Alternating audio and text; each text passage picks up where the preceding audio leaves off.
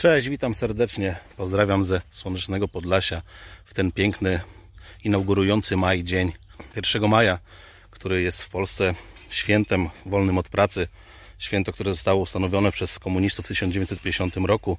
I oczywiście, jak to komuniści coś ustanowili, to święto pracy nie pracujemy. E, Chciałem Wam powiedzieć taką ciekawostkę odnośnie wsi, jak wieś obchodzi święto 1 maja.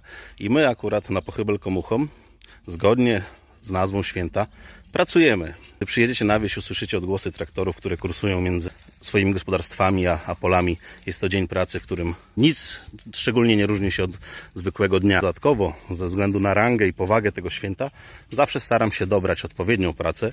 Jest to albo wywalanie obornika, albo wywóz gnojowicy. No dzisiaj padło na gnojowice, także świętujemy. Pozdrawienia dla redakcji i dla wszystkich widzów. Cześć.